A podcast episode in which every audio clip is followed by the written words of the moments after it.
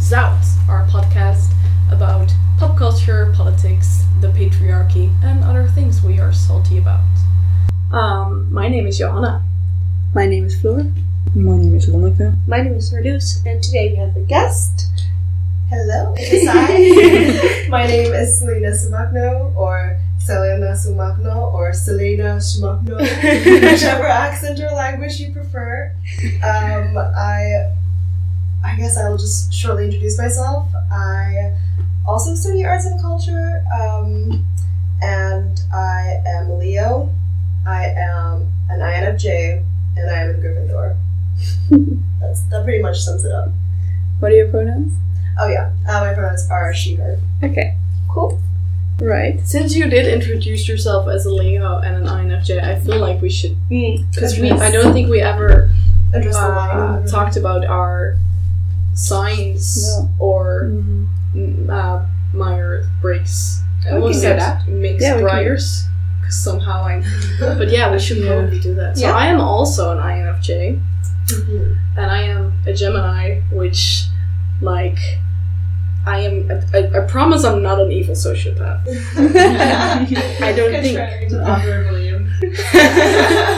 But maybe maybe that's the Hyde to my Jekyll, because I think that's kind of how Geminis are perceived. Oh.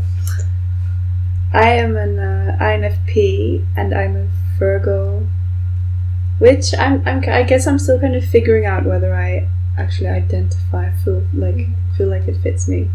I only I only identify as a Gemini when there's when I find out that someone I really admire is also a Gemini. but then I found out that Donald Trump is a Gemini and the Oh, God. that astrology was cancelled. Yeah. I'm an IN. What I was to? INT, INTJ. INTJ, J, yes. And I'm also a Gemini, and I'm won't promise I'm not an evil sociopath. and my sociopath side get, gets out when I play the Harry Potter game. I know this because my empathy levels are the highest, higher than my knowledge and um, the other one. And that's mostly because if you have a higher empathy level, you can get further in the game because you need to get things done from other people. so with my high empathy level, I get like shit done. Very And I get through the contradictory. Yeah, Yeah. yeah, because like you get you have to answer these questions. There's always a nice person option. And I go look, I'm so nice. You and I get high high empathy level. So You were basically just saying, I am probably a sociopath because I'm really good at empathy. yes, in a game. Oh well. this is just. But I think you mean like I'm very good at using like pretending to Yeah. be empathetic. You're just, to yeah, you're just a manipulative monster. That's what you're saying. oh well. You're sure you're not Slytherin, are you? No. See, this is this is already where you see this this yeah the, the sort of the weirdness of astrology because Lonneke and I are both Gemini's, but we are also pretty much the opposite person. Mm. But Donald Trump is a Gemini, so Yeah. yeah. You're like the anti Donald Trump. But Both of you. so is Hannah McGregor. yes, true. Maybe it's just that the Gemini spectrum is really wide. Yeah. Or or like we should do Hot our natal charts and then Oh, yeah. yeah, because I was gonna say or hot take, maybe the month in which you were born doesn't define your personality. No, it can't be. Yeah, I'm sorry, that's not. it That's- definitely doesn't. it's definitely not that. It has to be Really, don't science. Okay, so I guess Donald Trump and I really are long lost twins. Soulmates. then. oh have to god. accept it, I'm sorry. What about you, Marloes? Yeah, I'm E ENFP. So, yeah, I guess it's P, right? Mm-hmm. Yeah. So, I'm a token extrovert. um, and furthermore, I'm a Capricorn, which is actually pretty accurate. I mean, responsible and hardworking, and you know, having a lot of feelings but not being able to cope with them. What's your what's your like uh, Hogwarts house? I think you didn't mention Gryffindor. it. Yeah. Yeah, I'm. I would definitely say, definitely say I fit the Leo stereotype. Although I'm not. I have a sister who's also a Leo, and she's definitely the performer of the family. but I've noticed that compared to a lot of the personalities here, I'm definitely more outspoken and a little bit more dominant. So maybe I need to just sort of self reflect and realize just how loud I am. Well, as we said before, you are our first ever Gryffindor. Yeah. So uh, you have uh, big shoes to fill. Wait, that's only No. no. We, no, it's the opposite. You have no shoes. no fill. shoes. There are I'm going to set the bar. Yeah. yeah, exactly. barefoot or bare clawed. I like that. Um, yeah. Good luck to future Gryffindors who will be guests. We will never, never live up to the expectations I will set up. I like your confidence. yeah, so welcome to this amazing episode, people. Yeah, and welcome, Selena. yes. Thank you. Um, so, with that, let's introduce our first segment, which is uh, Tasteless or Smakeloos, where we discuss different ways in which the patriarchy has shat on us. Nasty little stories. Um, That's putting it more graphic than usual. But I yeah. Usually we're like, yeah, we're talking about our everyday encounters with the patriarchy. Yeah, sorry, I didn't. Welcome. I hear the, the, the shit from the patriarchy is still covering my face. So. Thank you for that charming visual. um, do you want to go first? Uh, yeah, I shall start.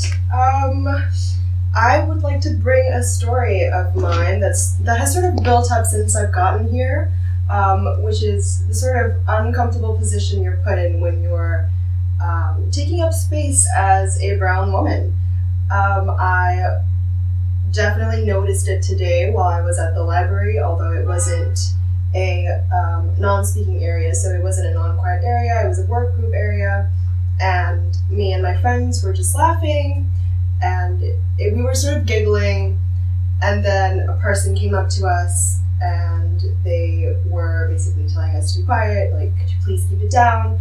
And it wasn't racially aggravated and i didn't feel that it was but it was sort of just me realizing the fact that i somehow felt guilty about it about being louder than my friends, and I've noticed this a lot when I'm on the bus, and there are a lot of old men and women and whoever else um, who look at us or me and my friends, and they definitely sort of look at me like, oh yeah, of course, it makes sense. She doesn't speak Dutch. She's obviously not white. That's why she's a little bit louder, which I don't appreciate. Yeah, that's. And uh, just to be clear, uh, the our university library has like places where you can go if you wanted to be absolutely quiet, and that's where you can like, um, yeah, tell people to uh, keep it down when they are being loud. And then there are places where you can go if you have to discuss assignments, or even if you just are taking a break and want to chill and like Yeah. people go there to watch TV shows on their laptops and stuff. It's really and people go there to just chat. Right. So it's not you're not necessarily expected to be quiet there. I've So- had meetings there. I mean, Yeah. Yeah. And to be fair, we were studying. We spent like five hours studying for an exam, so it wasn't like we were all just sort of, you know, having the time of our lives. No.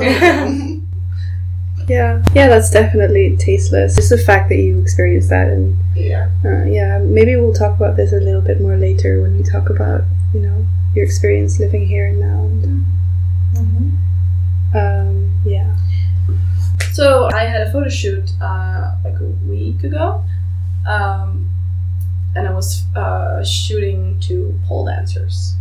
And when I say shooting, I mean with the camera, no. Just Oh. clear, Um, not yeah. the US. exactly. Those are legal here. Um, yeah, but uh, we were shooting at this location where there were some builders working nearby. I say working, they were working up until we got there and built up our portable pole. And as soon as um, my models started their uh, started pole dancing, and they didn't even like they weren't doing stripper routines or anything like pole dancing shocker is not just a thing that strippers do. It's, a, it's an actual sport. And they weren't so they weren't doing uh, choreographies they were just doing like tricks that i could photograph. Um, but in order to stick to the pole, uh, it is kind of a thing that you can be wearing a ton of clothes. So they were wearing essentially glorified underwear. Um, and of course, the builders were very intrigued. Um, so as soon as we started, uh, like a bunch of them, like 10 to 15, just kind of dropped everything they were doing and just stood there, uh, kind of gaping at us. And some o- open mouth, and I think one of them yelled at them to take their clothes off. And yeah, the girl I was photographing kind of laughed it off and was just like, "Oh, it's fine." And of course, they would do that. They're builders. What do you expect? And just ignore them. But I am not good at ignoring that sort of thing. It did kind of get to me, and like I was trying to work, and so were they. So, or like they were supposed to be. So that was very tasteless. yes. Uh, yeah. I also I don't. I okay. I have I have a thing, but it's not really one event. So it's more something that happens quite a lot. Uh, uh, that's older women particularly judging me for my clothing choices and what I choose to do with my body. And uh, I get a- now that it's summertime, so I wear like shorts or skirts, and I don't shave my legs, because also because I'm lazy and I don't Biggest move. yeah. and I personally don't like myself with. I don't like like I don't like the look of my left legs being shaved, so I don't do it. And then I get a lot of looks, especially when I wear like these sort of um, feminine clothes. But and usually I wear like I don't wear heels ever. I wear like very usually big shoes and stuff, and so I get looks from that. And I think that's also about queerness in a way mm-hmm. because it, I combine a lot. I try. I, I like combining like feminine, masculine stuff, and so it's it's kind of like older women are like, oh my god, you can't wear that dress without wearing heels or wearing any makeup or like, why is your hair so short but you're still, you know, wearing this feminine stuff, and so that's kind of annoying me. But it's not really one event. It's just an overall hmm. thing, I guess, because they're. I don't know. I feel like they're kind of more used to having to do all these like beauty stuff and you and when I say like no I don't they're like what Yeah. That as well was very, very tasteless. yes Um, but the reason we invited Selena over here uh, in the first place is because she had written this article on online activism. Um, yeah, perhaps you can tell a bit about what you've written and what online activism means to you.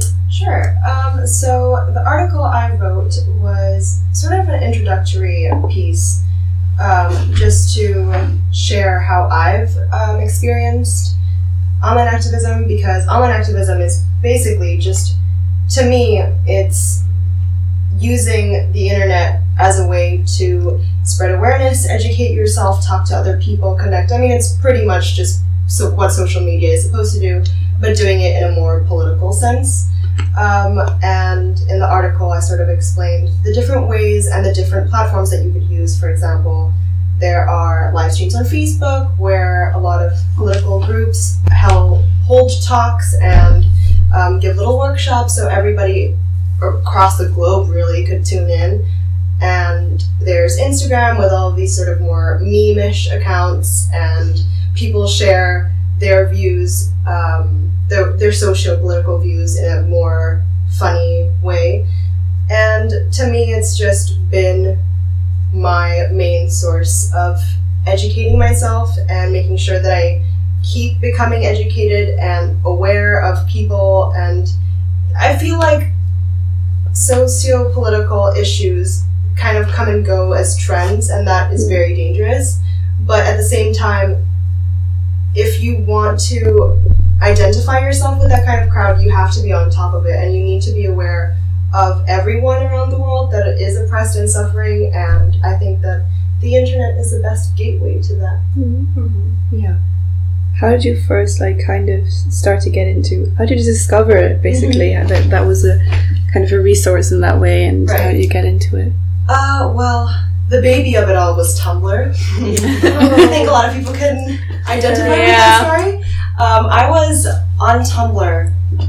I've been on Tumblr since sixth grade, and that was sort of when Tumblr was very, very dangerous, and people were romanticizing mental illnesses, and there was a you know the huge thigh gap craze. Sorry, and um, it was just a really negative place, and I knew that a lot of my friends went on it to sort of wallow in their depressive thoughts and all of these negative things in life and i sort of looked up i just googled things like um, feminism tumblr or female empowerment tumblr or pro women tumblr and i just came across a bunch of these um, blogs and then i started following them and there were so many text posts and i think the best part about tumblr is that they sort of assume that everybody has the same level of knowledge, for me it was a good thing because it pushed me to look things up for myself. And I learned, you know, what is misogyny? What is the patriarchy? What's the difference between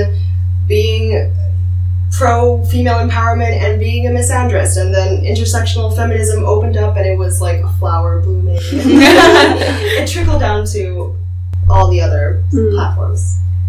Yeah. That's so interesting because I I was big on Tumblr as well. I think, yeah, the end the end of high school for me, and then the the start of, of my college years. But I got into Tumblr in a very different way because I got into the fandom side of Tumblr. Oh, same, girl. Yeah, because that wasn't the the the whole the whole uh, romanticizing mental illness. wa- There was like a dark side of Tumblr that I knew existed, and sometimes like looked at it uh, out of curiosity, but that wasn't that that never showed up on my timeline through the people I followed. Like a lot of it was. I guess if you would like scroll through my timeline on any given day, you would probably think it was mostly just I say this with scare quotes, but frivolous because they were just gift sets from TV shows I enjoyed and stuff like that. But it is definitely where I gained a lot of my political awareness because through analyzing those TV shows, I learned so much about uh, feminism and also about queerness because a lot of the things I watched either were about queer people or were about uh, people that were read as queer uh, by the fandom. And so uh, through that, I, I, I also got uh, yeah learned a lot about feminism and stuff. That actually triggered a memory um, because I just realized that I started with One Direction. Um, hello to all of the Directioners out there.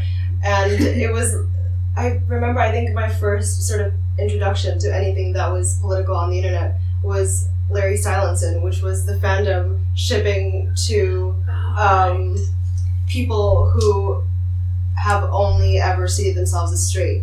And that became a very big debate, and that I think that's where it started. Right, yeah, I followed a girl who was into that. I, I was more into, I think it started with Doctor Who, honestly.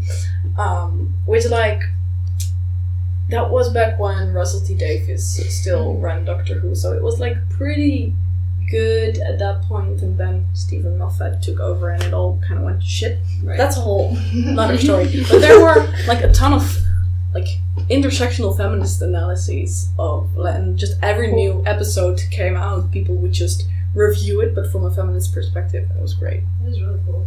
Hmm. Sounds really nice. For me, it was the other way around. Like I started to get into intersectional feminism a little more, and uh, then I discovered that there was something like a dis- there was a discussion or going on on Twitter. I think through a podcast that I was listening to, they were saying like follow us on Twitter. I was like, oh, I have to create a Twitter account so I can keep up. Same, I actively search for articles and stuff like that, and by now I know who to follow, Facebook and Twitter and stuff like that. And I mean, I, I still I still use Google a lot because you know sometimes you just Don't we run into theories that we've never heard about. Um, but I don't know. I think I really encountered like intersectional feminism through you guys and through people in my environment. yes. Then the internet helped me to develop myself. Um, yeah, in my thoughts on uh, that subject. Yeah, I think I learned more. I started more on YouTube. I think Oh, yeah. I feel same. like- Yeah. 'Cause that's kind of where the whole feminism thing started. But then, at first, I was probably like really in, like it was very white feminist probably because now I read back stuff I wrote like years ago and I'm like you write about Disney and you don't write about the whiteness of oh, Disney how, Oh, yeah. how does, did you not think of that Lonneke but Oh, that's yeah. because it, Obviously, me too, but you yeah evolve. yeah because then you know it was sort of started with feminism and then you know very white feminism then you start thinking about uh, it's not just women white women who are being oppressed so yeah We've all been problematic. yes Yeah. we are your problematic phase. Yeah, I think YouTube was still kind of in its cradle when I when I started Yeah. the whole my Tumblr journey, shall we say? And I think through actually the Doctor Who fandom, I found out about Charlie is so cool. Like Oh, Oh, yes. that was the first YouTube channel I ever followed. Yeah. I think, or the first vlogging channel at least.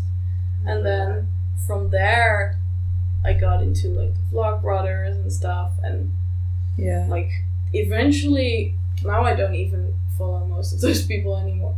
And eventually I just found a lot of uh, Yeah, but actually the YouTubers I went to at first for like feminism, they're like super problematic now. yeah, like Laci, Green. was, yeah, like- Laci Green, yeah. She taught me so much. but then she, and then she did something. no idea who that is. Can I have a context? uh, well, she transformed into a TERF. Essentially, Ah, That's okay. what happened. Yeah, that sucks. Yeah, Uh, TERF, for context, is uh, an abbreviation of Trans Exclusionary Radical Feminist. Don't be fooled by the word feminist. Uh, they're not really feminists. Yeah, so I don't watch your stuff. no, but I did like Yeah. I she did The teach basics, me a yeah. lot, and I did wa- actually watch some videos back of before she went before she got quote unquote red pilled. Some of them do kind of still hold up. She was Yeah. never super intersectional. She was always pretty white, but I also used to watch the Arielle. Scarcella? No, Yeah. I never watched her. I did. Uh, she always made me uncomfortable. Yeah, but and then and because she, like if you were looking for like lesbian stuff, she would be like the number one thing that would pop up. So we watch. I would watch her video during high school, but then afterwards I was like, mm, no. Yeah, someone Yeah. who taught me a lot was Ash Hardell. yeah, but yeah. I think they were like they probably taught me the most in-depth stuff about uh, the LGBTQ plus community. For me, I think it was um, it's this magazine slash blog called Rookie. I don't know if you're familiar with it. No. It was started by this girl named Tavi Gevinson, and she is a New York based artist, basically. And she started, I think, when she was 13, and she just sort of posted her thoughts on a blog. And then it became, it blew up, it became huge. It's still up and running till today, and now people, so she lets people submit work to the blog, and it's a big thing now, and she was sort of my introduction to a lot of the more minority issues that are happening in feminism. You were talking before, like before we started recording, uh, as well, uh, about like the internet giving you, like basically a space to to read about those things and and write about those things, I guess as well, um, because that was you could connect with people that weren't where you were, and um, yeah, could you talk a little bit Yeah. about that? Well, um, so I grew up in Indonesia, uh, specifically in Tangerang, and then I moved to Jakarta. And Indonesia, I have a, I have a love hate relationship with my home, basically, because I've met both the most open minded and the most closed minded people. I have a mixed race background, so my father is full Javanese, but he was raised in the U.S and my mother is mixed with everything from Indonesian to Dutch to a little bit of Arab, I think, even. And so I grew up. We weren't necessarily the most conservative family either, because my parents were obviously more westernized, but I definitely felt that there was a gap between my sort of online life compared to reality. And yeah, online activism gave me the space. I mean, at first it just started with sort of complaining, really. It was just me ranting and talking about, well, this is crap and this sucks that I have to go through this and some people don't and some people have to go through things that I will never have to go through and this you know this should be talked about and that in turn sort of attracted other people both people from my city people who I went to school with to people from villages far far away from Jakarta and they approached me and you know they sort of told me thank you for speaking up about this because I feel like nobody understands. Um, a lot of them then sort of end up telling me their life story and telling me about people at school bullying them because they speak up about LGBT plus issues or people at home not understanding the fact that women are good for more than and cis women in particular are good for more than just being in the kitchen and raising children and it's still very conservative but it has given me a community that has stuck with me until today. Hmm. And you're still like active in your own, um, yeah, your your own writing, and because you have a YouTube channel, I think. Yeah. And I have a YouTube channel, I have a blog, I have most of the social media stuff. Mhm. Um, it's a lot of work, um, especially when you're in university. But I, I do still post things, and then if it's if I don't have the time for a full Instagram post, then I'll just put it on my story sometimes. Hmm. So I am still kind of active, but I also then am more careful with what I put on the internet because sometimes it's nice to sort of just be like, I exist and post a selfie, but I also don't want to be screaming into a void when I have nothing important to say. Mm. You know what I mean? Okay.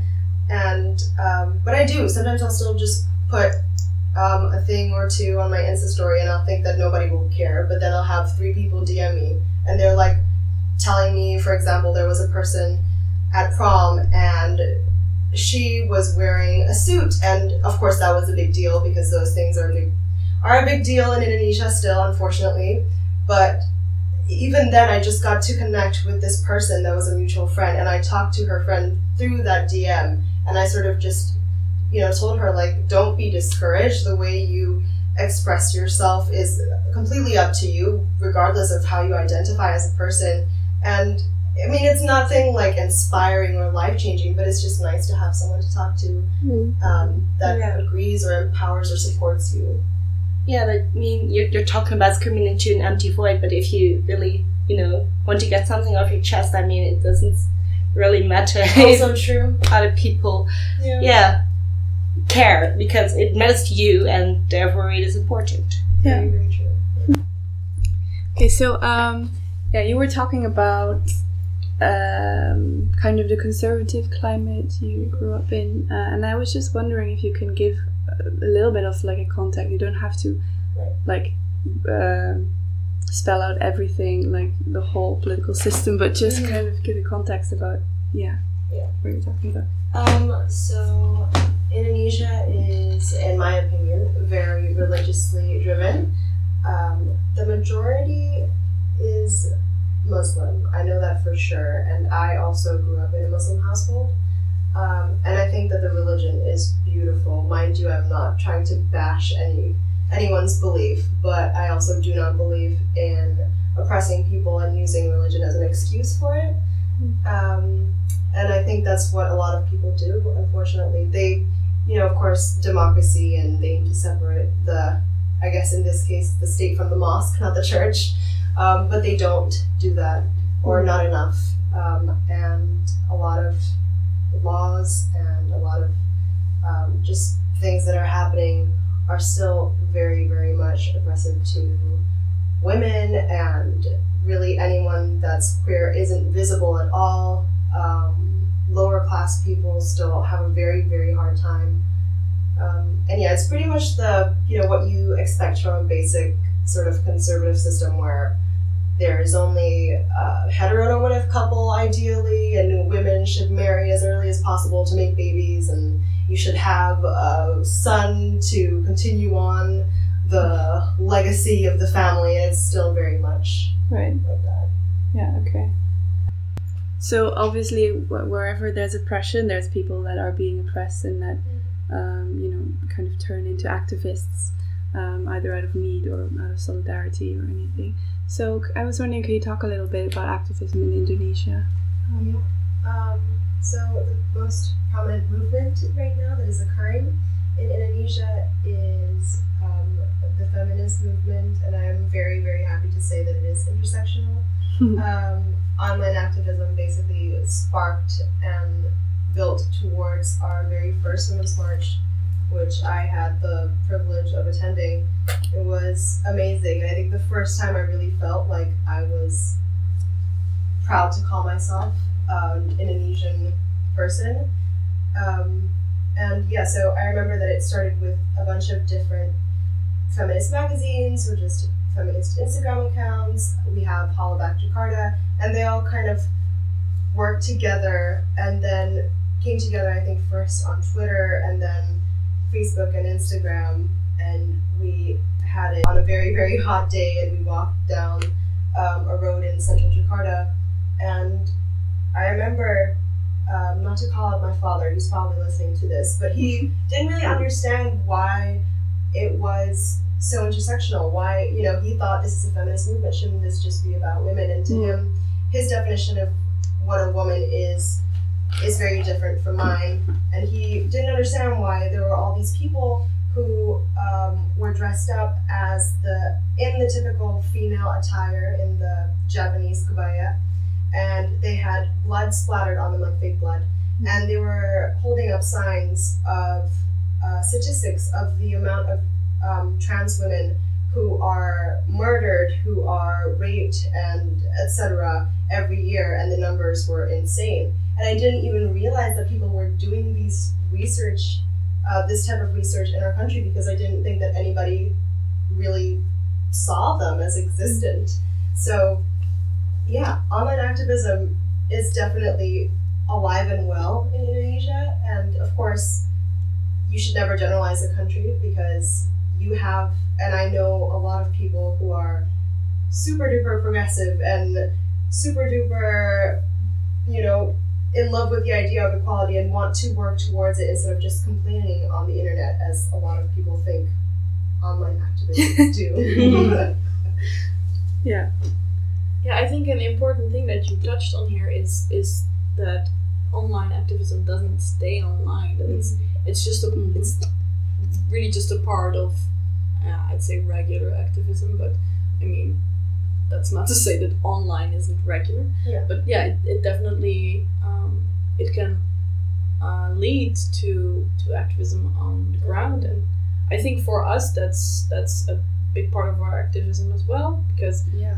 usually the most of the time when we've gone to protests i think we found out about them through social media Yeah, but Yeah. also afterwards, I mean, when we go to protests, I mean, like you went to uh, the We Reclaim Our Pride last year, and then we discussed it in our podcast afterwards, and you know, it gives you the opportunity to do more than just go to a protest, and I think it really offers, yeah, something new and something extra, which makes uh, the activism that is online uh, outside of the online space also more yeah perhaps not more interesting but it adds more depth because you have more opportunities to talk about it and to you know uh, reflect on what is going on And I think, like you mentioned, you're not just screaming into a void.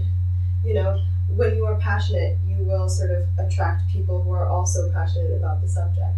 And you never know who will be listening to your podcast or reading your tweets or looking at your Instagram posts. You never know who's going to feel, you know, who's active in politics and who's going to feel pressured to be more aware of other groups. You never know who you're going to sway and who you're going to support. yeah Yeah, I, I, I do see a lot of um, online uh, i see i see a lot of people also urging people to take their activism offline as well well not in the sense that they cease to do online activism but that they go further so um, i think you mentioned something about someone urging people to vote Yeah. and I, I see a lot of things which i don't think that's the thing you can do in the Netherlands but i see a lot of uh, people uh, american based america based people urging people to call their legislators Yeah. Yeah. uh, for example. And I don't know if yeah, uh, I don't know if that's something they teach in schools, but I would assume possibly not. And for a lot of people, maybe the internet is the only way to even find out that that's an option. Yeah, I have another Yeah. example for that because um, of that because I found out on Twitter basically that there is um, a law being a law being drawn up in the Netherlands that is basically kind of copying the FOSTA-SESTA law in the in the US, um, which is like uh, um, yeah, how do you It's explain that? to, yeah, it's supposed to stop trafficking, but it ends up just putting sex workers in an even more dangerous Ah, yeah. yeah. yeah, I've heard about position. Yeah. Yeah, and in the Netherlands, they're now like designing a law that um, kind of mimics that, and also is based on like the the Scandinavian model uh, with Yeah. regards to sex work, which is kind of which puts yeah sex workers basically in a, in a uh, even more dangerous position than they're already in. I I found out about this law on Twitter, and they like sent a link where you can respond to this. Um, pro- law proposal and kind of uh, comment on it, and they take that into consideration. um, so I guess that's maybe a bit compar- comparable Yeah. to that. Yeah, and I also wanted to say, I think a good thing about the internet is that it's, uh, you know, so much more accessible Yeah. for, and also Yeah. protests are not for everyone for various reasons. There's, you know, protests are quite a high, you know, entry point or something. You know, there's a lot of reasons why people can go to a protest, um, Yeah. either like physically or mentally or whatever. So, uh, the internet is a place that's, you know, you can get into way easier. There's less barriers. Guess. Yeah, and I also like even uh, taking like yeah, I've seen some ableist things being said about people not attending Yeah. a protest when it's uh, for for for physical and, and uh, mental disabilities.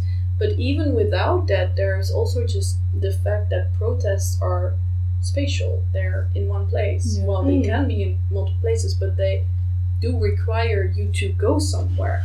And uh, right off the bat, for most people, that costs money. You need to Mhm. either be in possession of a car or you need to use public transport.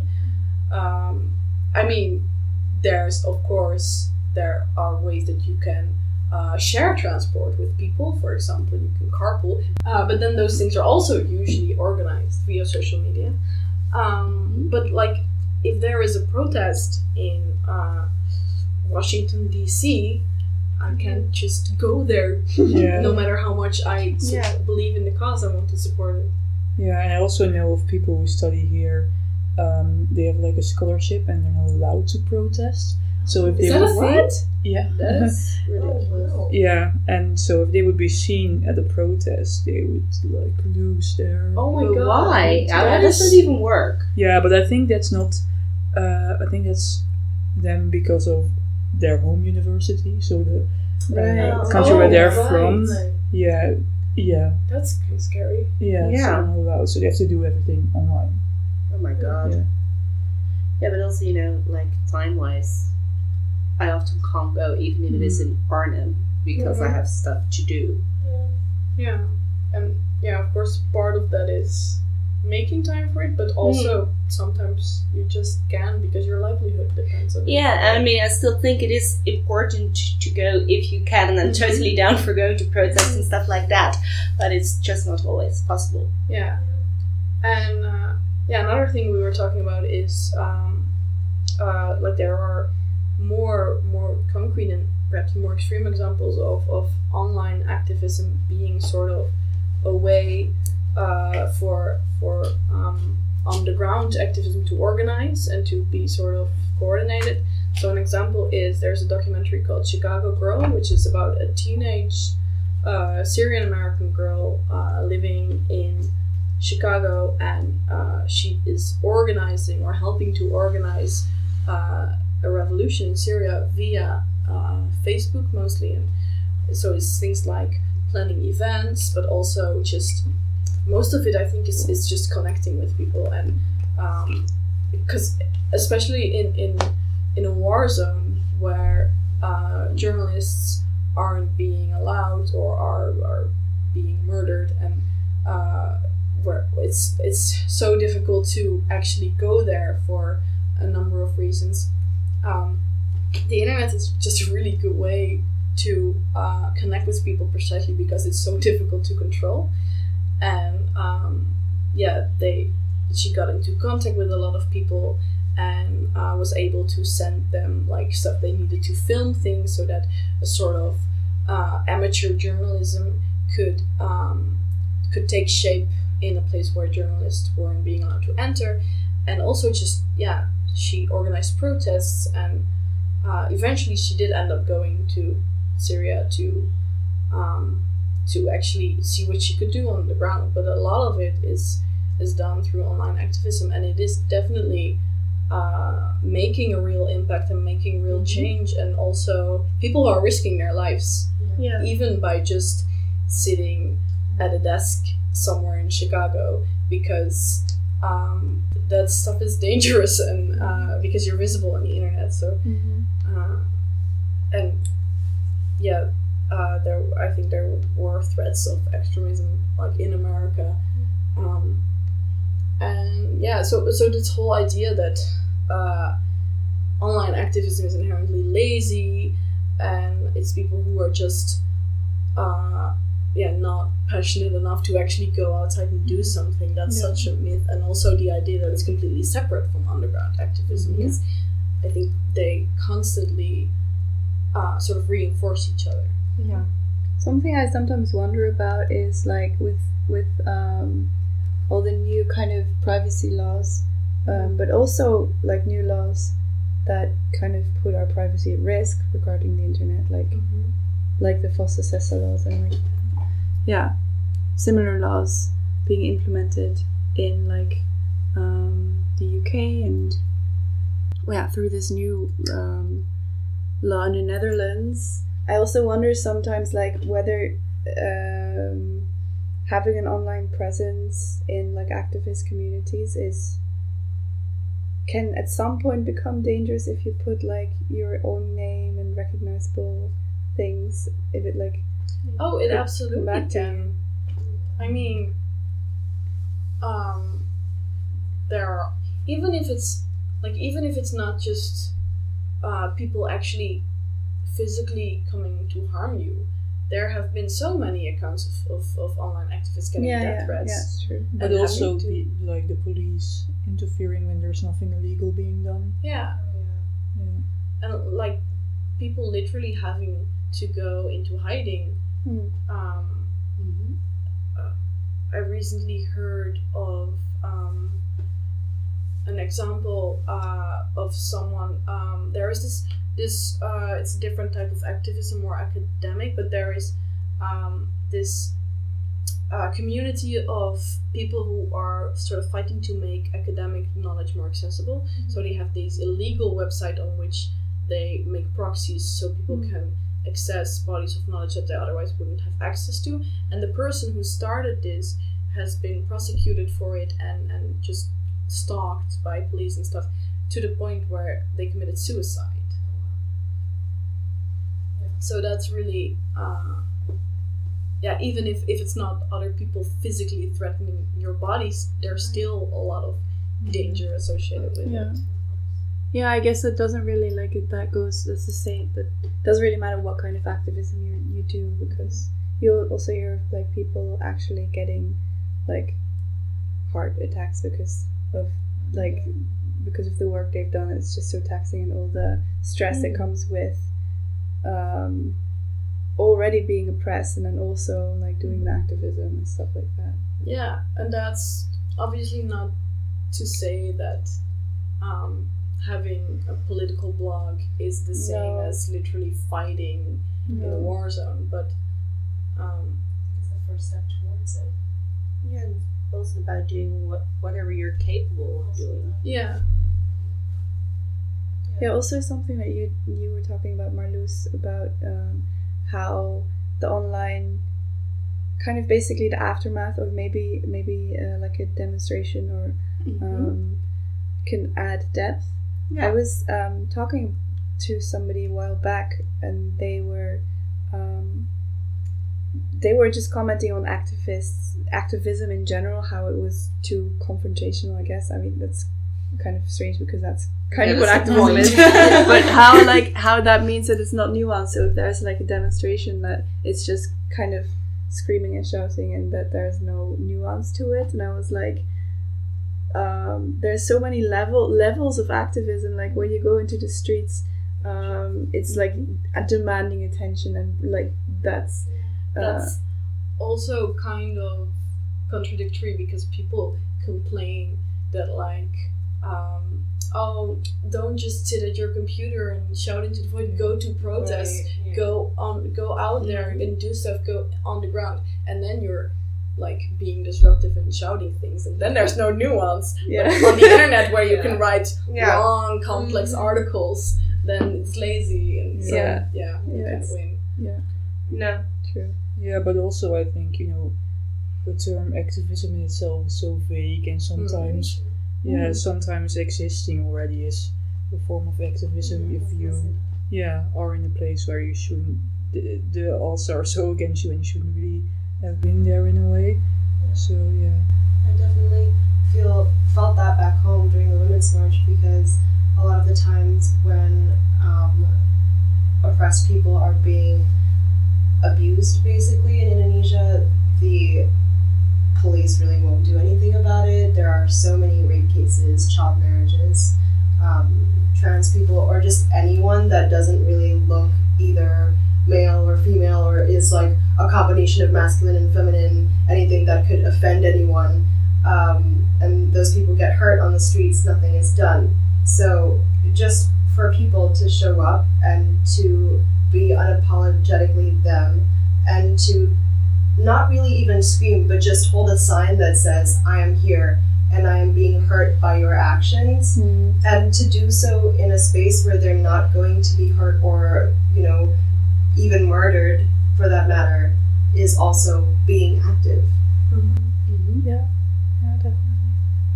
Yeah, and also the whole idea that that protest can't be nuanced. I first of all, I don't think that's the point because the No. point of protest is to be disruptive. Yeah, to spark a discussion and to Yeah. confront Yeah. people with Yeah. what's out there. Also, there's like a lot, a lot of times at protests, like there's like talks after yeah, that's it, what I was gonna say. So Yeah. there's mm, there there's room for nuance there, but if you like um, if there has just been uh, a new law introduced that limits women's reproductive rights, for example, then like writing a long nuanced article about why that's a crap law is obviously a good thing to do but that's not you're not gonna make the whole world read that article. Right. so and it's still it's still even if you send it to everyone you know it's still up to them whether or not they choose to read the article whether or not they choose to engage with it. And that i think is the point of protesting is that you're not giving people a choice um, to uh, whether or not to see you and to hear you and to give you space. You are demanding space and claiming space and not giving people a choice to uh, to ignore it and to look away.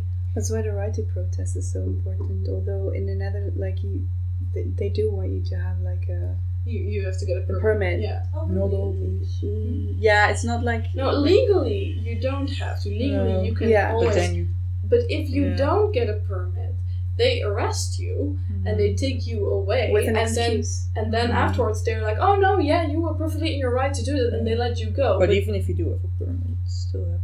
Yeah, yeah. Oh, yeah. But then they find reasons to uh, Yeah. arrest you, like being Uh. too aggressive, insulting the police, stuff like that. But there have been multiple cases of people, for example, protesting the monarchy and just being arrested, not because they were actually doing something wrong, but so that the disruption could be contained. Yeah, hmm. And this is so they would have to get an individual permit, like each person, instead of just one No. person. No, no, they, they, they have to No, get a no. permit for a group. Hmm. Okay. Yeah. Uh, But even then, like in in December, with those the Black Pete discussion, there was like a protest which they had a permit, but then mm-hmm. they were being blocked on the highway by people who didn't want the protest to happen, and they were like sent back. They weren't allowed to go there anymore, which Yeah, and yeah, even uh, when we went to uh, Rotterdam Pride last year, we had a Mm. uh, a protest there, and like we, the protest was allowed to run its course, but the police was very violent um, towards towards many of the protesters, particularly the people of color and the more uh, visibly not cis ones.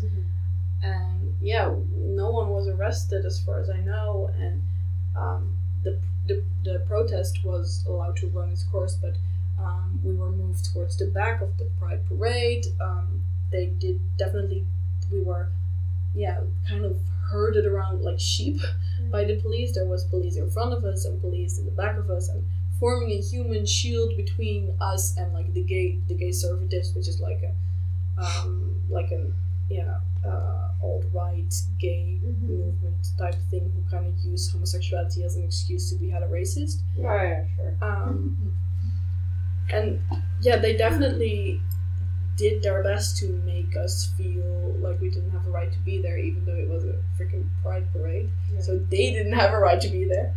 Um, but so yeah, protesting is allowed. It's definitely not encouraged. Yeah, that's I guess also the difference between tolerance and acceptance. Right? Yeah, You definitely. know, the Netherlands is a tolerant country, but nobody tells you that they're not accepting. oh, Yeah, the Netherlands is also do- doesn't really have a protest culture because No, everyone that's thinks that we have it so good. So it's Oh, like, why do we even need to go out and protest? Yeah. Because we can just we can just achieve everything through civil conversation. Yeah, you know, as a cis white straight man, you want, but Right. Because you don't have to be angry about anything. I can understand that you just want a conversation. and yet, they seem to be so angry all of the I time. know. You're the one that's the most offended all the time. The paradox, no. maybe this is, by the way, a good point to ask you how, like, because you've come to the Netherlands like Yeah. a year ago, I Yeah. and, and how you've experienced it. And, Right. Um, well, I definitely had a culture shock, which I did not expect because growing up, I am definitely, well, I, I guess in, the, in Indonesia I would be white passing, whereas here I don't feel that I would be white passing. Hmm. Um, and in Indonesia, I was very much sort of that white girl in the group because I speak fluent Indonesian and I grew up there, although I was born here. Um, but I remember, you know, being in third grade, and then we had our very first colonialism talk, the Joys, and everybody sort of made me sit alone, and they were like, "You're the colonizer," and then I didn't understand because I was I'm biracial, so it's like, oh, but my dad's Indonesian. Yeah. I mean, my skin tone isn't really that far away from yours, you know. Yeah. So, growing up, I always thought I was the whiter one compared to everybody else, and then I went here, and then I realized that that's not true. That I am definitely a brown woman, and people see me as a brown woman, and it was very weird because I, you know, sort of the thing that motivated me throughout growing up was basically knowing that I would either end up in the Netherlands or in my hopes, but against my father's hopes, in the US, where mm-hmm. people are more sort of not necessarily open minded, but more opinionated with social political issues. Um, and I always thought, it's okay. I'm going to a country where I will be able to speak freely and I don't have to be limited to my online activism. And then I went here, and, you know, there's all that stuff with Black Pete, and there is a huge, you know, racial sort of injustice happening with a lot of minority groups, with the Indonesians, and even the Indonesians are so fragmented, and then with the Surinamese, and et cetera, et cetera. So I definitely went through a culture shock that I did not mm-hmm. expect to have because the Netherlands brands itself as such an open country. Yeah, it does. It really Yeah. does. Which is very problematic and not at all true. Yeah, definitely. We've talked about that before on the podcast. yeah. It's kind of based on, I think, the fact that we um, uh, have like uh, we had we're one of the first countries to have, or we were the first countries to Yeah. to um, legalize sex work to some extent and And gay and Gay uh, marriage, gay marriage yeah. and the yeah. I'm sure But it's it's- great that those things have happened, but there's still so many. But all those with all those things, we're we're way behind on many other countries right now. So Yeah, because Yeah. even about you know the, the position of LGBTQ plus people, it's dropping. we're Mm. used to be in the top ten or something, and now we're out this year. So Yeah, and it's also like I like uh, the fact that we have gay marriage doesn't mean that we're not racist anymore. Yeah, So- exactly. Or, I think yeah, it doesn't even mean that we're not homophobic anymore. No, no, no, It definitely doesn't mean that we're not racist. But My- the whole like idea of we are so tolerant of gay people is is just like used for racist. Yeah, you know yeah. that's why Oh, why I think yeah, because it's a sort of paradox. Like oh look we're already so far, we don't have to do anything. Yeah. But yeah, It's yeah, it's like their sort of um, justification pass. Like that's their permit to be Yeah. horrible in every other way. yeah, But I mean, even with the whole homophobia, I mean, my cousin, he doesn't feel. He's told me that he doesn't feel comfortable, you know, walking down the street with his boyfriend and showing any kind of PDA because mm. he genuinely feels like he will be beat up. Mm-hmm. And In the Netherlands? in the Netherlands. He grew up here, he was born here. And I mean, that was insane for me to hear because that's how I always felt back home that I, I wouldn't be able to, that's why I didn't see anyone who was openly queer because I always thought, well, if you do that, then people are either going to shout at you or actually physically hurt you. Mm-hmm. that also happens here. Yeah. Um, yeah, related to that, I was also wondering more like um, what it is what it has been like so specifically at our university and also within arts and culture studies because I think we kind of like um, I mean I went to Nijmegen because I thought that it was one of the progressive universities too and one of the progressive uh, cities Yeah. um, which it is one of the leftist cities in the Netherlands. But um, and like arts and cultural studies, I also thought like, oh, this is the most progressive place within this university. Yeah. um, so yeah, I was also wondering maybe w- with um, yeah within our studies, also within the classes that we have. Um, how have you Well, experienced? I remember the first ever struggle that I had was um, in a history course, and of course, the beginning of history has a lot to do with Christianity, and Mm-hmm. um, they definitely sort of just went past it really, really fast, using all of these religious terms that I had no idea what it meant as Mm. A Muslim raised person. I just I had no clue, and I kept having to ask my roommate because she was raised Catholic. So I was always like, what does that even mean? Like I don't know what this section of the church is and what they use that part of the cathedral for, but they kind of just assume like everybody has the same Western standard of knowledge. Mhm. Yeah, I don't know most of those things.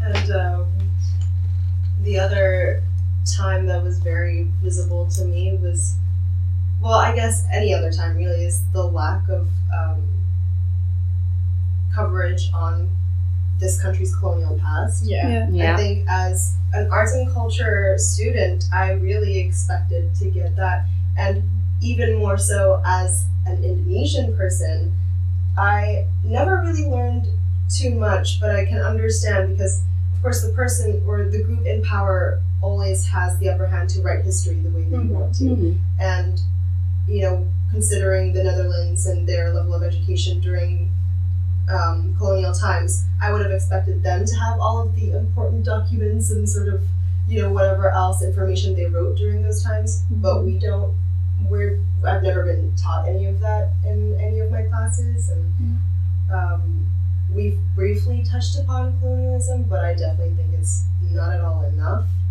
um, and yeah i I just find it interesting because I keep talking to other Dutch students after class, and I'm always asking them, "What was it like in middle school or high school? Did you get it?" Because I only got sort of you know the brief horror story when you're young, so you know what happened to your grandparents, but nobody talks about it, and I think that's a huge shame.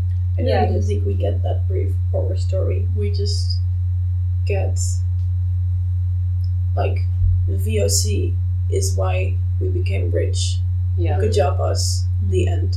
Yeah, but it is mm-hmm. really problematic, and I mean, I wasn't raised that way, and mm-hmm. my mom told me other things, and my grandma told me other things, so you know, kind of knew about it, but in Right. school it really was the thing. Yeah, we we kind of um, at my at my high school we kind of discussed colonialism almost as a as a good thing. Mm-hmm. Yeah. We did it like there were, were like brief mentions of slavery, but Right. the fact like the the role that the Netherlands played in slavery was always kind of danced around. Like Yeah, wasn't- but it is also diminished. I mean, you're always like, yeah, but you know, the UK was much worse. Right, right. yeah, but like the the emphasis was on well, we we still call it or people still call it the golden age. So Yeah, the emphasis was on Yeah. uh, look, this is how we got rich. right. Oh yeah, also slavery, but there was a lot of art. There were like there were a lot of good artists. Yeah, but Yeah. also always talking time. about trade, though, even though the Oh trade my happened God, through oppression. yeah. And and goods also talking East yeah talking about Yes. people as uh, Goods, goods, yeah. Oh, too. yeah. But I think I got kind of lucky because I did have a teacher who really focused on colonialism, and then I That's also yeah, because I we have to, you, you had to do this big research thing at the end of high school, and I did it on uh, the whole colonial history and how it was represented in Dutch uh, school books throughout the mm-hmm. age, ages, and then there's like no no information. Right. Most of it just leaves it out. Yeah. And then even then we only the only thing that we did get was on Indonesia, and that was like super bare bones, but mm-hmm. nothing. On, Yeah. What Like I got about. Indonesia was basically Max Havelaar. You know, we didn't mm-hmm. take it. Yeah, but you know, when I was told about that book, people were also like, yeah, sure, pretty terrible things happened, but there were also good white Right, people right. that wanted to Yes. change the situation. Yes, that, that whole Oh, book is so focused on like the good way. Yeah. Yeah, I would just like to mention um, the film Kartini. I don't know if you're familiar with who that is, but she is basically one of the Indonesian heroes, and she paved the way for education for women, particularly lower class. And she was basically a Javanese princess. Um, but they recently did a film, um, and it was gorgeously done, and I think one of the best Indonesian films I've ever watched. But even in that film that is supposed to be very feminist and very conscious of our colonial or colonized past um, it was basically her way of gaining freedom was through education but her way of getting education were through these white saviors and yeah. that's how she opened her mind as if she couldn't have done it herself Mm. so problematic in both sides Yeah. Yeah. Yeah, but also because we have a whole course on uh, like um, talking about our study again, a whole course on like, like European identity, and um, even in that course, like hardly Oh, we yeah. talk about like we talk about uh, colonialism Yeah. hardly. And I, I remember going uh, at the beginning of this year with the first year we went to the open air museum oh yeah um, and we had to like reflect on guess what was happening there and how they were representing Dutch identity. But and they were also like in the museum. I didn't know that before, but there were like these very colonial. I remember you you talking about it there. Yeah. I Yeah, remember that, and it was sort of just one house. It was you. If you don't actually look around and actively search for it, you won't find it. But it's in this little tiny nook and cranny of the uh, museum, and it's behind other houses. And then there's like a very stereotypical Indonesian kitchen there, and then one tiny tree house dedicated to our um, past with slavery. But it, they don't really even say. Treehouse? Yeah, it was no, it was a tiny house. Ah. I don't. yeah. Yeah, it wasn't even actually any real sort of statistic or real solid information about the Dutch presence Hmm, yeah. in slavery. Yeah, the, the the European culture course did have a few lectures on colonialism, but not Dutch colonialism. No. Like No. we had a pretty Spanish. detailed lecture on the Spanish conquista, and Yeah, yeah. um, there we went to um, to an exposition by Jimmy Nelson, Okay. and problematized the hell out of that. Um, but yeah, and and there was like the uh, World Exposition thing, where we talked a lot about. Uh, the, I think it was the Paris one where they had a big colonial Yeah. display, and we definitely looked critically at that. But Indonesia and, and the mm. Dutch presence in Africa and uh, Suriname, Pretty much mm. ignored. yeah, that's that's the thing. We can we can talk about colonialism, mm. but yeah, the English were much worse. The Spanish were much worse. Yeah, exactly. Yeah. I actually had this lecture on slavery, and the guy literally said, "Yeah, yeah, but compared to uh, the numbers of the UK, you weren't actually that bad." It was like a literal quote, and I was like, "Oh God, oh good God." No, So you know, no. I mean, yeah, I um, I recently had dinner with my grandfather, and he is, I think, he is full Dutch, but he was raised in Surabaya, which is Mhm. a city in Indonesia, and because I don't know who in his family was mixed or Indonesian, but basically after the Dutch War, um, our president sort of did a purging of anyone of Dutch blood. And so my grandparents were sent back here and they lived in camps, which I had no idea. I mean, I'm 18 years old. They had 18 years to tell me stories, and they did every single night. I remember when my grandparents would sleep over, I would always ask for stories of their childhood because I was just curious. Mm-hmm. But they never told me that they were in camps, and my grandfather's friend was separated from his mother, and he almost well, he was almost shot just for bringing corn to his mother. And like those are the types of stories you hear from other countries that have horrific pasts. But mm. I don't understand why we don't reflect on ours. No. but I do recognize that. I mean, my grandmother is from Sumatra, mm. and she started talking about these kinds of stuff like a couple of years ago. Mm-hmm. I don't know, and now she's pretty okay with talking about it more and more, but you know, it used to be really painful. And Spot. definitely, I can understand, and that's why I think you know going back to the fact that like the oppressors and also the people in power should have been the one to talk about it because they were they have the least amount of pain and trauma to Mhm. in order to have that conversation. Yeah, so then uh, all of those, all of that information being kept from you, you turn to the internet. Yeah, definitely. I definitely look to other Indonesian people who may have had the same um, experience. And thankfully, we also have a lot of expats who, you know, use their higher access to education for good. And they, Expats? yeah, so um, foreigners living in Indonesia. Right. So I know a lot of um, foreign teachers who kind of take it upon themselves to talk about this with their Indonesian students Mhm. because they obviously would know it either because of the language or just the access to, you know, any paper on the internet. I mean, you know, I love and I'm all for everyone being able to become an online activist and an activist in, you know, in quotation marks, the real world, because that's not the right way to put it either. But I mean, the fact of the matter is, if I even look at, you know, where I grew up, is not everybody has that access to a phone, Mm-hmm. to internet, and to English, because so much of online activism is in English. Yeah. And we need to fix a lot of things in Indonesia first before we can get to that. But I'm glad that the people who do have that privilege are using it to uplift other people.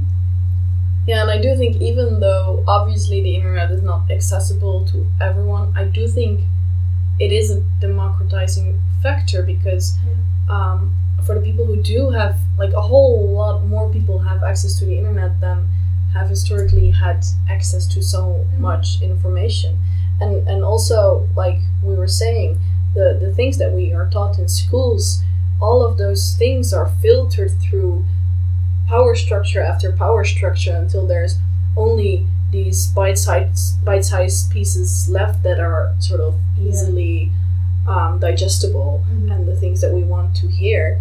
And that there's just a very limited number of people with a very limited number of um, privileges that um, decide what, what gets put in those in those uh, school books in those curriculum.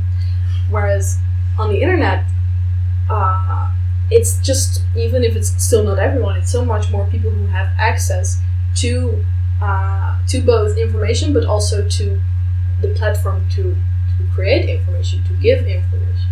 And that's always something I'm very critical of when people are are bashing the internet and, and, and uh, sort of complaining about how much uh, how much bad stuff it has done. I think a crucial thing that the internet means for me is the fact that people who have historically been confined to sort of a private space have um, have a way to make their thoughts and opinions and experiences public. And there's almost no fighting that. There's almost no hiding those experiences and silencing those voices. There are ways of course Yeah.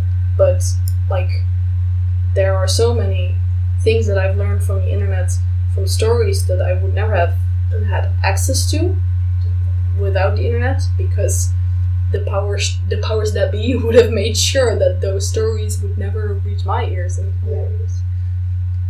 So that's why I really have no patience for people complaining about exhibitionism Oh yeah. and how people want to share everything on Instagram these Right. days and how the internet is just people making photos of their food.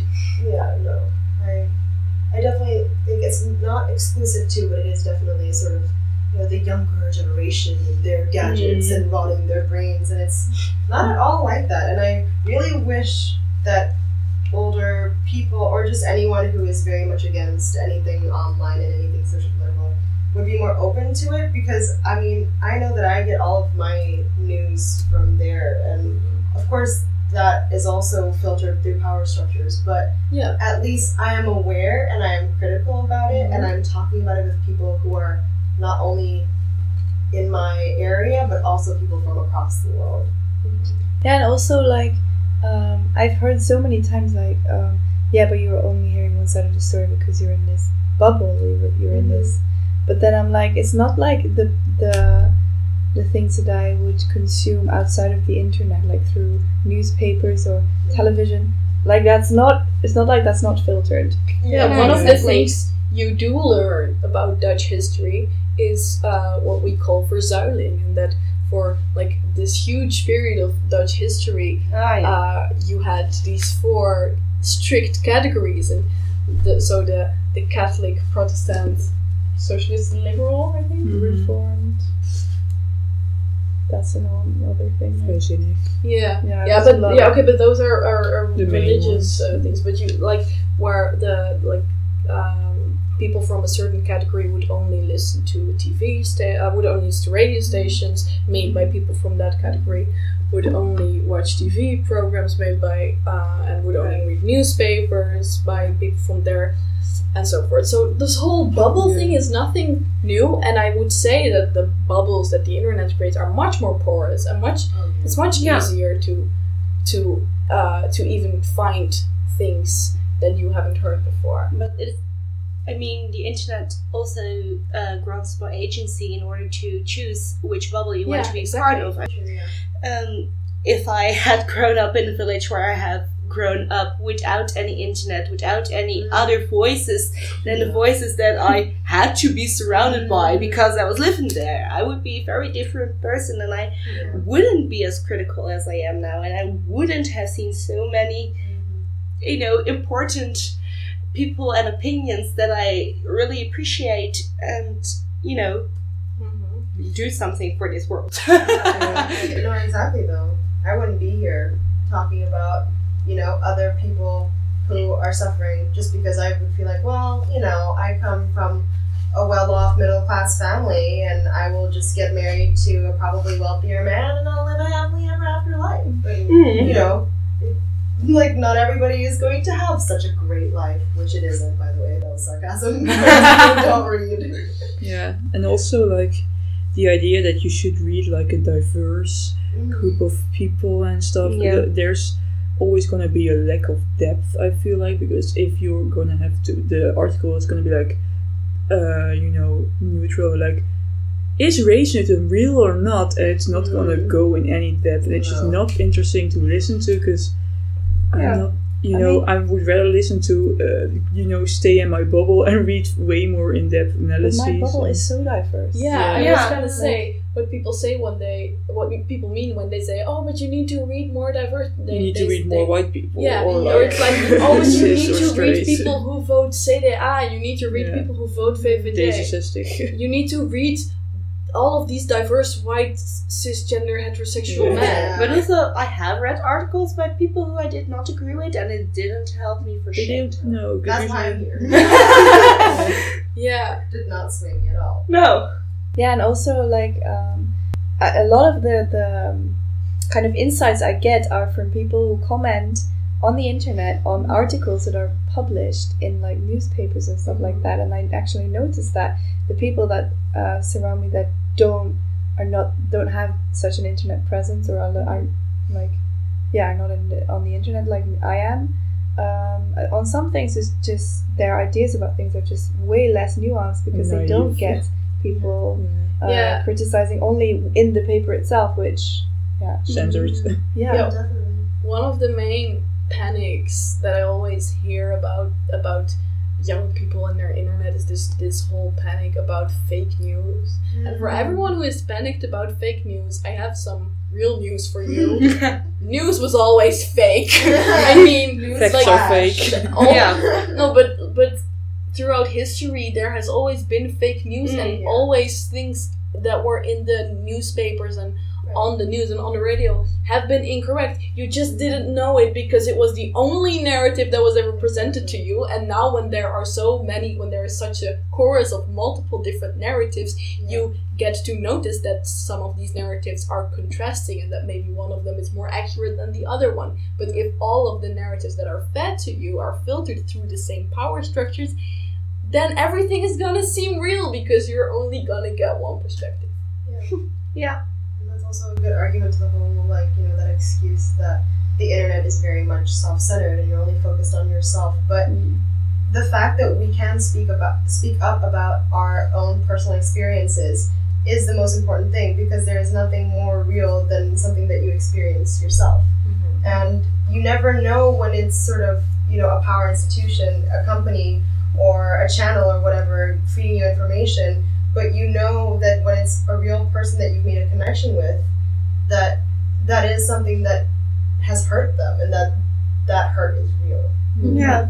Yeah, and the self-centered thing, I think that's also coming from uh, like a point of privilege, you know, mm-hmm. because when you have a certain identity, you have to think about what that identity means. And as a white person, I don't have to think about my whiteness. So then I see other white people like, oh, why are all these black people always like going on about race? Oh yeah. because it's their lived experience. That's why. And Oh, But also, Yeah. in the offline world, it is so often about white men. It is so often centered about white men. I mean, on the internet, I wanted to be centered around me. I wanted to be Right. centered about people that are different Yes. from me, but they're Exactly. interesting regardless. I mean, yeah.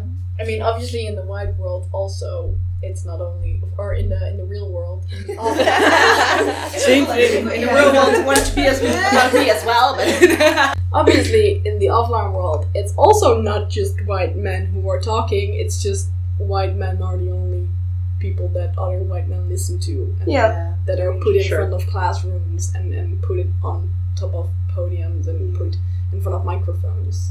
yeah, exactly. But- editorial boards. Yeah. Yeah. I mean, it's not that I don't exist in real world. That's not what I meant. So, going back to that, it's um, so I had a cultural talk recently, and there was a person who made a comment, and the person was white, and they were, you know, talking about how it's so sad, basically, that anyone who is a part of a minority, especially when it is a racial minority, and they're an artist, they always sort of have to situate themselves racially before they can do the more, you know, who am I, and like the more artistic, abstract stuff. Um, whereas people who are white don't have to situate themselves, and they can just go into the more, you know, what the public sees as like the weirder artsy stuff. Yeah. Um, but it is very true. It's the same thing when people people always come up to me, and even Indonesian people And my friends always go, "Why do you always have to make it about race?" But the thing is, mm. it is always about Yes. race. Mm-hmm. And I wish, I wish I had the privilege where I don't have to constantly bring up the fact that I am this and this and this before going into any conversation. But the truth of the matter is, if you don't bring it up, no one will care to acknowledge your existence. Yeah, but I do think that is a good point and probably a really uh, interesting way to end this conversation and to move on to the savourites because, like always, we do have some things that we would like to share with you all. Um, maybe you can start. Sure. I would like to bring up a song by um, The Internet. Very fitting. The internet gave me a song. Specifically, um, Come Over. And so they released their music video recently, very recently. And the concept of it is basically they want their love interests to come over to their place so they can hang out. And it's very playful and very colorful and um, yeah, it's just very aesthetically pleasing. But what was an interesting point in the video is the fact that one of the members of the band, Steve Lacey, he is um, a vocalist and a guitarist. In the music video, his love interest is another man. Um, and that brought up a lot of comments. Of course, YouTube comment section is never the best place, but that brought up a lot of comments about his sexuality and you know people were like oh i didn't know he was bi or whatever he is and um, a lot of the internet fans um, sort of you know came to that conversation and made a point about the fact that no one and not even celebrities owe their fans anything or owe anybody else anything about themselves they don't have to come out to anyone or explain their sexuality if they don't want to and if they don't feel comfortable. And we don't, we as people shouldn't feel like we have the right to define um, other people's sexualities for them just because it may be more convenient for us or maybe just because we're nosy. That was shade, by the way. to be a little fair to the people saying that, I think for a lot of people it is, like for a lot of queer people, it is very powerful Oh, to yeah, see sure. um, a celebrity even even imply. Um, yeah. So I get where, where some of those. Yeah. I, I agree with you that they no one owes No. anyone a coming out, but Right. I can see where some of those comments are coming from. I think excitement is definitely sort of well deserved. Yeah. And I think, you know, regardless of Steve Lacey's sexuality, props to him for making a music video um, where he is a black man and he is with another man that is implied to be his love interest because that is Yeah. already such a big step. Absolutely. Okay, well, I have quite a few favorites because apparently I've been consuming too much media and not focusing on the things I should should be doing. uh, yeah, so the first um, is a book I'm reading right now, Children of Blood and Bone by Tomi Adeyemi, and uh, it's kind of going very big. I believe I see it lot lots of time like on Twitter and stuff. Yeah, and uh, it's um, a fantasy novel and it's about magic and uh, there's a lot of like political themes being discussed in it it's you know there's the, like colorism racism they're kind of explored but not um, yeah in a fantasy world so it's uh, more with like metaphors and stuff the only thing i don't like is how straight it is yeah. into yeah, because there's this uh, like there's magic, there's like magical creatures, and and there's like people needing to be saved, and then why are we focusing on all this straight romance? I don't know what is going on. because it's like, yeah, no. Uh, It's just a trope of like two people falling in love who shouldn't have been falling in love because their families like hate each other and stuff, and it's Oh god. yeah, but uh, it's still a very interesting book, I think, and uh, I don't read a lot of fantasy also because fantasy is a tendency to be colonial or like very colonial inspired and problematic. So I think it's and it's also written by a black woman, so um, yeah, it's very interesting. And then I have two podcasts. Uh, the first one is Racist Sandwich, which is something that I really love because it's about food. and uh, yeah, it's about food and politics and uh, like exploring how politics intersect with food. That's amazing. Yeah, and it's, it's very they do like a very broad range of topics. Like they talk about cultural appropriation and why it is that when white dude makes kimchi and puts it on a burger, it's like groundbreaking and stuff. And when Korean people do it, it's gross and you you know people get god names for it and stuff. And so and oh, yeah, it's just also like how lots of uh, American restaurants run on Hispanic uh, workers, but at the same time, people eating there are supporting Trump.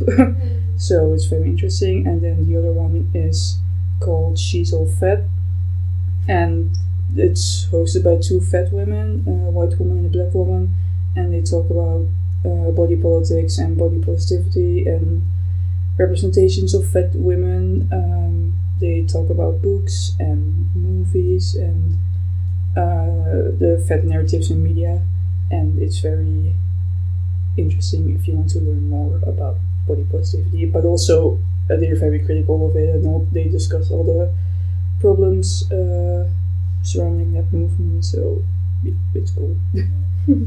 Nice. As if I didn't already have way too much podcast. podcast. Yeah. and books to read and Yeah. but it's always fun to Mm-hmm. to know there's more out there Yeah. Well, then I think that marks the end of uh, our episode. And it's about time because it's like 28 degrees in here.